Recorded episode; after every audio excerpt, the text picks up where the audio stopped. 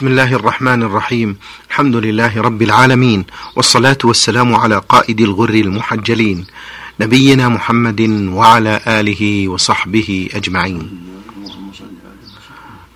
أيها الإخوة والأخوات السلام عليكم ورحمة الله وبركاته ومرحبا بحضراتكم إلى درس جديد من دروس شرح كتاب المنتقى من أخبار المصطفى صلى الله عليه وسلم للعلامة مجد الدين أبي البركات عبد السلام بن تيمية الحراني. سوف يتولى الشرح والتعليق على هذه الأحاديث سماحة الشيخ عبد العزيز بن عبد الله بن باز المفتي العام للمملكة العربية السعودية ورئيس هيئة كبار العلماء. مع مطلع هذا اللقاء نرحب بالشيخ عبد العزيز فأهلا ومرحبا سماحة الشيخ. حياكم الله وبارك فيه باب الحث والقرص والعفو عن الأثر بعدهما. عن أسماء بنت أبي بكر قالت جاءت امرأة إلى النبي صلى الله عليه وآله وسلم فقالت إحدانا يصيب ثوبها من دم الحيضة كيف تصنع به؟ فقال تحته ثم تقرصه بالماء ثم تنضحه ثم تصلي فيه متفق عليه. اللهم صل بسم الله الرحمن الرحيم. الحمد لله وصلى الله وسلم على رسول الله وعلى آله وأصحابه ومن اهتدى بهداه. أما بعد فهذا الحديث يبين ما ذكره المؤلف في حكم ما يصيب الثوب من دم الحيض أو غيره من الدماء. بين النبي صلى الله عليه وسلم لأسماء لما سألته أنها تحته بإصبعها وظفرها ثم تقرضه ثم تنضحه بالماء ثم تصلي فيه. والمعنى أنها تحته تحكه بظهرها إذا كان له جرم حتى يزول ثم تقصه بالماء. يعني تحكه بالماء محله حتى يزول الأثر ثم تغسله بالماء ثم تصلي فيه. هذا هو حكم النجاسة من الدم وغيره إذا كان له جرب يحت وإذا كان لم له جرب يغسل محله حتى يغلب على الظن حصول النظافة حصول الطهارة. وإذا بقي شيء من الأثر ما ما يزول بالغسل ما يضر كما يأتي. الحصل المقصود أن على المرأة وهكذا غيرها ممن يصيبه الدم أو النجاسات أن يزيل أثر النجاسة. إذا كان لها جرم يزيله بظفره أو بعود أو بعظم أو غيره حتى يزول. ثم يغسل محله بالماء وينضحه بالماء وبهذا يطهر المحل الثوب أو غيره. نعم. نعم. وعن أبي هريرة أن خولة بنت يسار قالت يا رسول الله ليس لي إلا ثوب واحد وأنا أحيض فيه. قال فإذا طهرت فاغسلي موضع الدم ثم صلي فيه. قالت يا رسول الله إن لم يخرج أثره. قال يكفيك الماء ولا يضرك أثره. رواه أحمد وأبو داود. وهذا أيضا يدل على ما دل عليه حديث أسماء وأن المرأة تغسل ما ما أصاب الثوب من أثر الدم ويكفي ذلك والحمد لله ثم تصلي فيه. بعض النساء قد يكون عندهن وساوس لا ترضى إلا أن تغسل الثوب كله وهذا لا يلزم. الواجب غسل ما أصابه الدم فقط. النقط التي أصابت الثوب تغسل ثم تصلي المرأة في ثوبها. وإن غسلته فلا بأس لكن لا يجب غسله. الواجب غسل ما أصابه الدم فقط. أما إذا غسل الثوب للنظافة ومزيد النظافة فلا حرج. لكن لا عن اعتقاد أن هذا لا بد منه. لا. أن الواجب غسل أثر الدم فقط. وهكذا أثر البول لو كان بول أو غيره من النجاسات. ثم يصلي الإنسان في الثوب وتصلي المرأة في الثوب الذي غسل منه أثر النجاسة والحمد لله. ولا يلزم غسله كله. فإذا كان هناك بقية لأثره فإنها لا تضر البقية. إذا كان لا تزول بالغسل إذا كان هناك أثر صفرة أو شبهة أو شيء. لكن لا يزول بالغسل والعين زالت ولا فإن هذا لا يضر. وعن معاذة قالت سألت عائشة رضي الله عنها عن الحائض يصيب ثوبها الدم قالت تغسله فإن لم يذهب أثره فلتغيره بشيء من صفرة. قالت ولقد كنت أحيض عند رسول الله صلى الله عليه وآله وسلم ثلاث حيض جميعا لا أغسل لي ثوبا رواه أبو داود. وهذا كالذي قبله. يدل على أنه يغسل أثر الدم فقط ويكفي. وتصلي المرأة في ثوبها الذي حاضت فيه أو نفست فيه إذا أزيل أثر الدم بالغسل. وإذا غيرت مكانه كان بقي له أثر بشيء من الطيب من زعفران أو من شيء من الأشياء الطيبة فلا بأس. المقصود أن الواجب غسل أثر النجاسة حتى لا يبقى لها عين ولا أثر. فإذا كان هناك أثر لا, ضر... حصل ضرورة لم لم يمكن غسله ولا زواله فهذا لا يضر. المقصود أن عينها زالت عين النجاسة. هذا الأثر الذي لا يزول بالغسل لا يضر المرأة إذا صلت في الثوب الذي فيه الأثر. وإذا غيرته بشيء من طيب أو نحوه فلا بأس لو أن المرأة سماحة الشيخ لم تحته بل اكتفت بغسله ما حكم عملها؟ إذا زال الأثر كفى لكن الحت أبلغ. لكن لو لو غسلته حتى زال الحمد لله. المقصود إزالته. فإذا غسلته بفرك ونحوه من دون حكم بالظهر فركته حتى زال كفى والحمد لله. سماحة الشيخ هل دم الحيض أكثر نجاسة من البول؟ لا يظهر فرق البول نجس والدم نجس. كلاهما نجس. كلاهما مأمور بغسل ما أصاب الإنسان منه. فالبول من فضلات بني آدم والحيض كذلك. كلاهما نجس. لكن قد يقال إن البول أشد نجاسة لأنه لا يعفى عن قليله ولا عن كثيره. أما الدم فقد يعفى عن قليله. يسيره مثل يسير الرعاف وما قد يقع في الأسنان أو في العين من أثر الدم يعفى عنه. فهذا يدل على أن البول أشد. نعم. باب تعيين الماء لإزالة النجاسة. عن عبد الله بن عمرو أن أبا ثعلبة قال يا رسول الله أفتنا في آنية المجوس إذا اضطررنا إليها. قال إذا اضطررتم إليها فاغسلوها بالماء واطبخوا فيها. رواه أحمد. هذا يدل على تعين الماء لإزالة النجاسة. فاغسلوها بالماء. كذلك ما تقدم من الأحاديث كله يدل على أن النجاسات تزال بالماء. لا بمجرد الحك أو الفرك أو لا لا بد من الماء في الأواني وفي الثياب وفي الأرض. ولما بال أعرابي في المسجد أمر النبي صب على بول سجل من ماء. فالماء يكون طهرة للأرض وطهرة للملابس وطهرة للأواني. وإذا احتاج الإنسان إلى آنية المجوس أو غيرهم من الكبرة غسلها واستعملها والحمد لله. لأن قد تكون فيها أثر من ذبائحهم الميتة قد يكون فيها أثر من الخمر فإذا غسلها يكون فيها الاحتياط لطهارتها. وعن أبي ثعلبة الخشني أنه قال يا رسول الله إنا بأرض أهل كتاب فنطبخ في قدورهم ونشرب في آنيتهم. فقال رسول الله صلى الله عليه وآله وسلم إن لم تجدوا غيرها فارحضوها بالماء. رواه الترمذي وقال حديث حسن صحيح. مثل ما تقدم. لا بأس أن يستعمل الإنسان أواني كفرة من اليهود والنصارى والمجوس وغيرهم إذا احتاج إليها لا بأس. ودواؤها الغسل إذا شك في طهارتها غسلها والحمد لله. والغسل بالماء يزيل آثار النجاسة لو كان فيها أثر نجاسة من ميتات أو أثر خمر أو ما أشبه ذلك الماء يزيل ذلك والحمد لله. ولهذا قال أرحضوها بالماء. وإن وجد غيرها فالحمد لله. أحسن وأكمل. وإن غسلها كفى والحمد لله. نعم. أحسن الله إليكم سماحة الشيخ. أه، لو أردنا أن نسأل سماحة الشيخ عن حكم آنية المشركين الغير مستعملة يا شيخ. تستعمل لا بأس.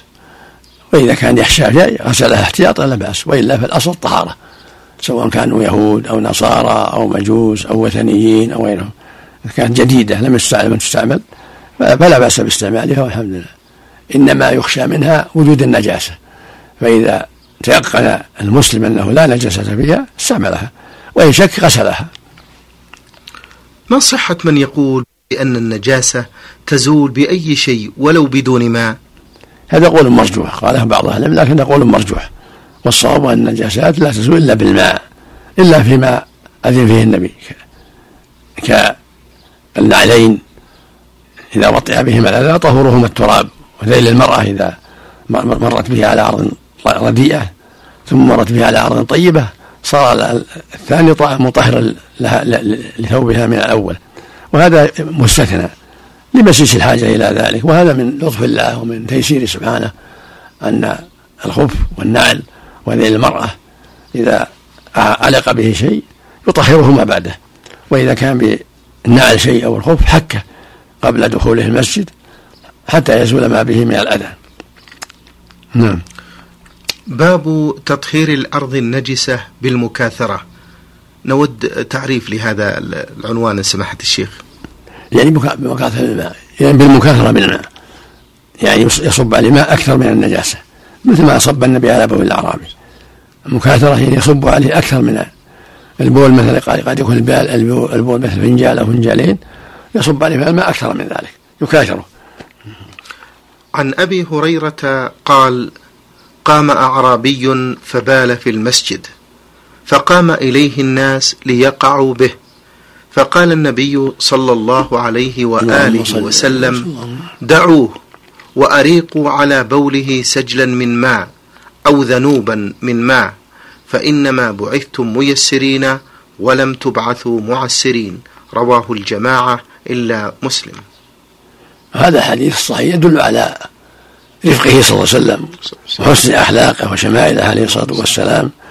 قال الله تعالى فبما رحمة من الله لنت لهم ولو كنت فظا غليظ القلب انفضوا من حولك. الغالب على الأعراب الجهل وعدم البصيرة. فجاء ذات يوم بعض الأعراب وبال في المسجد والناس عند النبي عليه الصلاة والسلام ينظرون. فقاموا إليه فقال دعوه.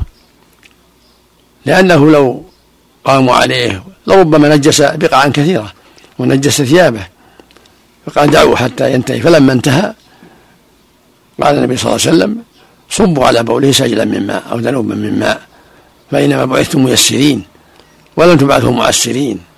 ثم دعا الأعرابي وعلمه قال إن هذه المساجد لا يصلح فيها شيء من هذا البول إنما بنيت لذكر الله وإقامة الصلاة وقراءة وقراءة القرآن أو كما قال عليه الصلاة والسلام. فعلمه بالعبارات الحسنة والكلام الطيب واللين عليه الصلاة والسلام.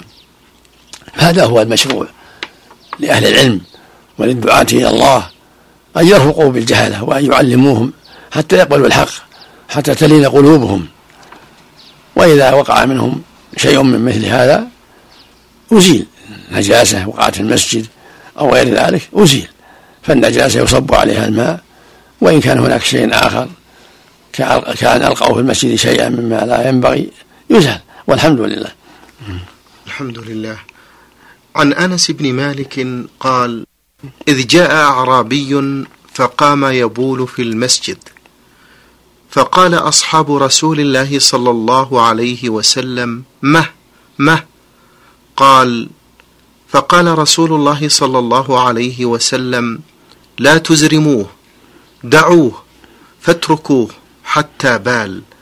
ثم إن رسول الله صلى الله عليه وآله وسلم دعاه ثم قال إن هذه المساجد لا تصلح لشيء من هذا البول ولا القذر إنما هي لذكر الله عز وجل والصلاة وقراءة القرآن أو كما قال رسول الله صلى الله عليه وآله وسلم. قال فأمر رجلا من القوم فجاء بدلو من ماء فشنه عليه متفق عليه. وهذا كالذي قبله.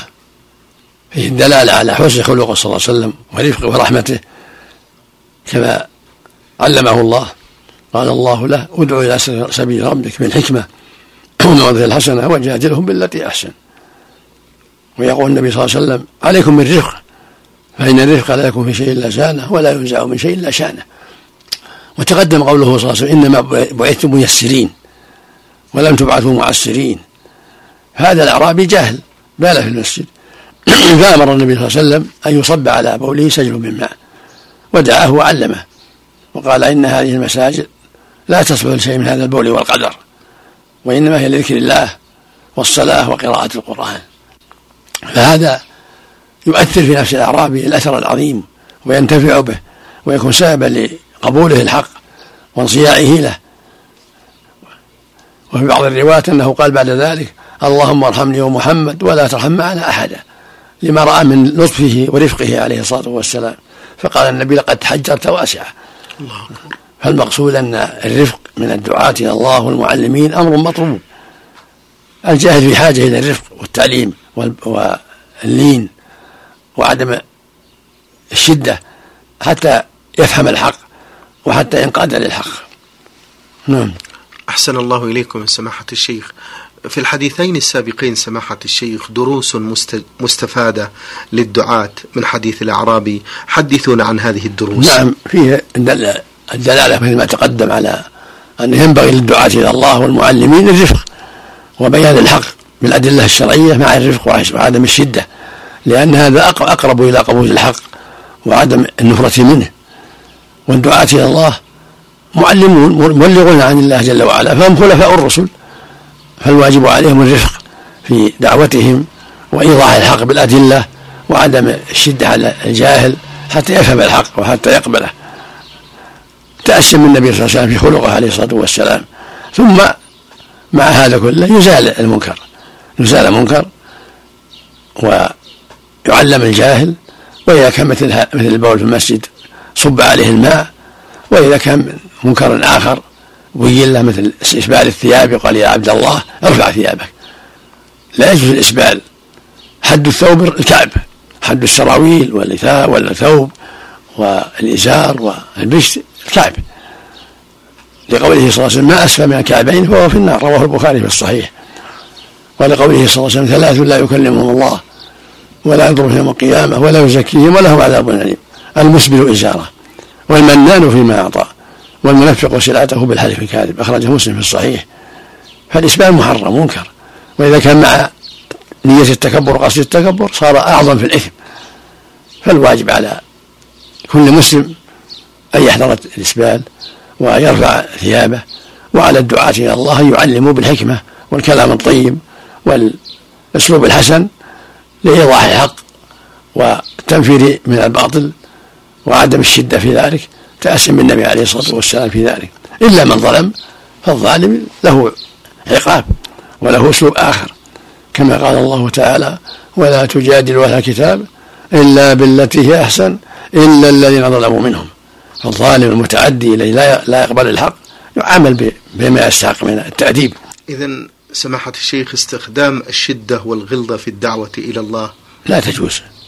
لا تجوز إلا عند الحاجة إليها إذا ظلم المدعو وكابر. أحسن الله إليكم. ما مقدار الماء الكافي لإزالة النجاسة على الأرض؟ مكاثرتها مثل ما قال صلى الله عليه وسلم صبوا على بوله سجلا من ماء. يعني دلو من ماء الدلو أكثر من بوله. يعني يصب على البول أكثر من البول حتى يزيل ذلك. فإذا صب على النجاسة المائية أكثر منها وإن كانت لها جرم أزيل الجرم وأخذ وصب على محل الجرم الرطوبة اللي في محله ما ما هو أكثر منه من الماء إزالة لأثره. هل الأعرابي المذكور سماحة الشيخ في الحديث الثاني هو صاحب الحديث الأول؟ الله أعلم. جزاكم الله خيرا. باب ما جاء في أسفل النعل تصيبه النجاسة. عن أبي هريرة رضي الله عنه أن رسول الله صلى الله عليه وآله وسلم قال إذا وطئ أحدكم بنعله الأذى فإن التراب له طهور. نعم بعده نعم. وفي لفظ إذا وطئ الأذى بخفيه فطهورهما التراب. نعم. رواهما أبو داود. نعم. وعن أبي سعيد أن النبي صلى الله عليه وسلم قال إذا جاء أحدكم المسجد فليقلب عليه فلينظر فيهما فإن رأى خبثا فليمسحه بالأرض ثم ليصلي فيهما رواه أحمد وأبو داود. وهذا مثل ما تقدم أن النعل والخف تحصل طهارتهما بالتراب. هذا مما استثني لهذا لهذين الحديثين أبي هريرة وأبي سعيد.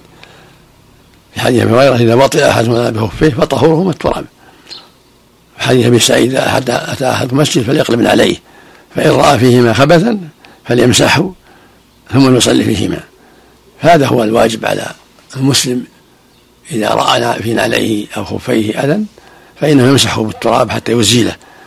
والطهور له له طهور والتراب له طهور في هذا. فإذا أزال ذلك الأثر جاز له الصلاة في الخف والنعل وإن خلعهما عند باب المسجد أو في مكان آخر فلا بأس ولا سيما اليوم عند وجود الفرش قد يكون خلعهما أولى لئلا يقدر الفرش بالتراب فيقدر ذلك على الناس.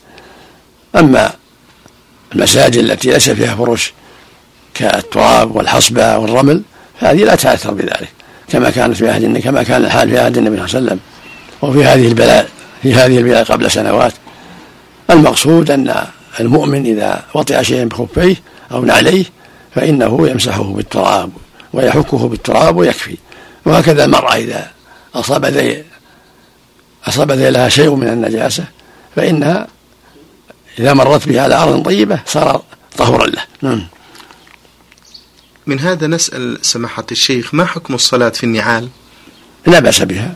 في حديث أبي سعيد قال ثم صلوا فيها بعد مسحها بالتراب وكان يصلي في نعليه عليه الصلاة والسلام وربما خلعهما وصلى حافيا عليه الصلاة والسلام. نعم الأمر واسع. الآن كما ذكرتم سماحة الشيخ المساجد الآن مفروشة والحمد لله فهل يناسب آه، الصلاة في النعل؟ الأقرب والله أعلم أن في هذه الحال خلعها أولى لئلا يقدر الفرش بالتراب والأوساخ التي تعلق بالنعل. فينفر الناس من الصلاة في المسجد. بخلاف الوقت السابق حين كانت المساجد ليس فيها إلا التراب أو الرمل أو الحصبة فإن هذا لا يتأثر بالنعل. نعم. من يتسرع في إنكار ما يجهله ما هي عواقبه لا يجوز للإنسان يتسرع في إنكار ما يجهل. من شرط الإنكار العلم. فلا يجوز لأحد أن ينكر بغير علم. بل يتعلم أول ثم يدعو إلى الله ويأمر بالمعروف وينهى عن المنكر. ولا يدخل في شيء لا يعلمه. لأن الله حرم القول عليه بغير علم وأخبر أن الشيطان يأمر بذلك يأمر بالقول عليه بغير علم فالواجب الحذر من ذلك. باب نضح بول الغلام إذا لم يطعم. عن أم قيس بنت محصن أنها أتت بابن لها صغير لم يأكل الطعام إلى رسول الله صلى الله عليه وآله وسلم فبال على ثوبه فدعا بماء فنضحه عليه ولم يغسله رواه الجماعة. وهذا يدل على أن الصبي الصغير الذي لا يأكل الطعام إذا بال على ثوب الإنسان كفى أن يصب عليه الماء من دون حاجة إلى فرك وغسل بل إمرار الماء عليه كافي كما فعل النبي صلى الله عليه وسلم. أما إذا كان يأكل الطعام فإنه يغسل. وهكذا الجارية بولها يغسل مطلقا.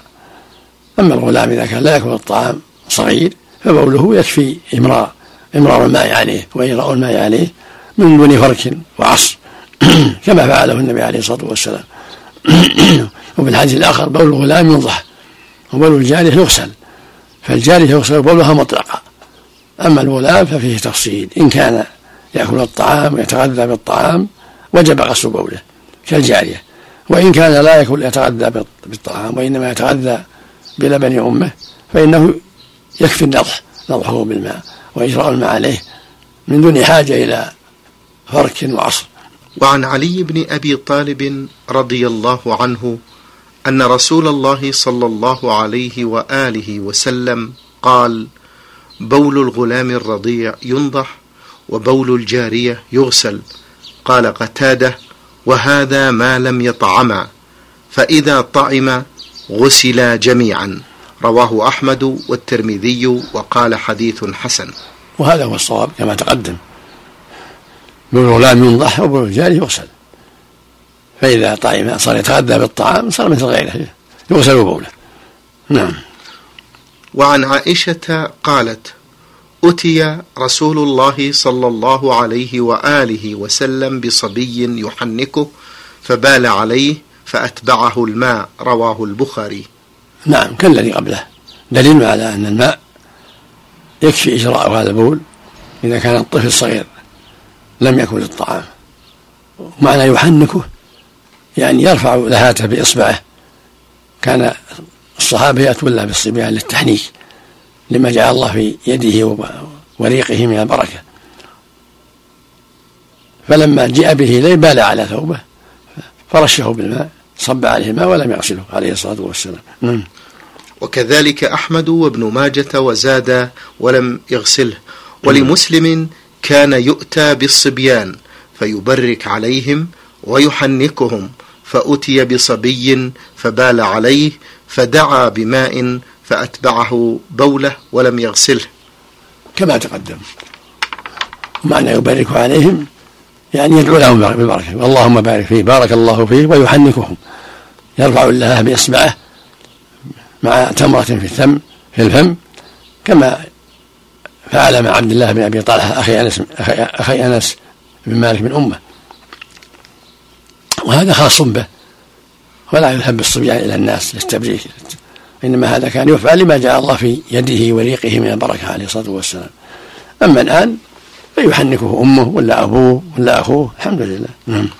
شكر الله لكم سماحة الشيخ وبارك الله فيكم وفي علمكم ونفع بكم الإسلام والمسلمين.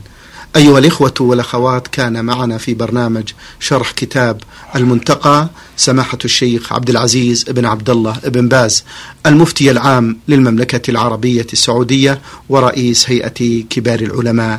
شكر الله لسماحة الشيخ على ما بين لنا. وفي الختام تقبلوا تحيات الزملاء من الإذاعة الخارجية فهد العثمان ومن هندسة الصوت سعد عبد العزيز خميس. والسلام عليكم ورحمة الله وبركاته.